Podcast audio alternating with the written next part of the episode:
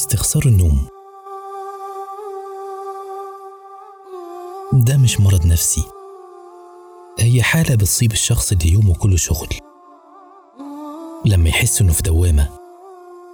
لما كل أيامه تبقى شبه بعضها.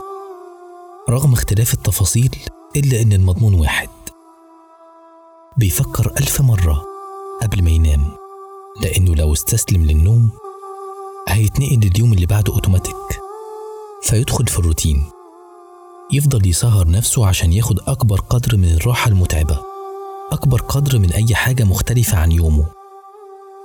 الشخص ده بيكون لسه عنده طاقة إنه يعيش يوم كمان في نفس اليوم اللي بيخلص. يوم تاني بتفاصيل تانية. يعني عايز اليوم يبقى 48 ساعة علشان يقتنع إنه ينام. طب وينام ليه؟ وهو لسه ناقصه حاجة. فيبدأ يعمل زي اللي عايز يلحق السحور في آخر خمس دقايق قبل الفجر. ياكل من كل حاجة قطمة ويشرب بق شاي على بق مية. لكن للأسف مش بيلحق إلا الفتافيت. عشان بعد ما يوم الروتين بيخلص برضه بيكون خلص يوم أي حد تاني.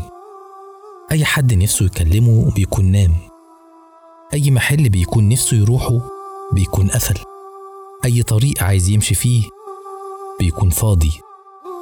فبيضطر يأجل كل حاجة إلى ما لا نهاية ويسهر مع موبايله الوحيد اللي مش بينام.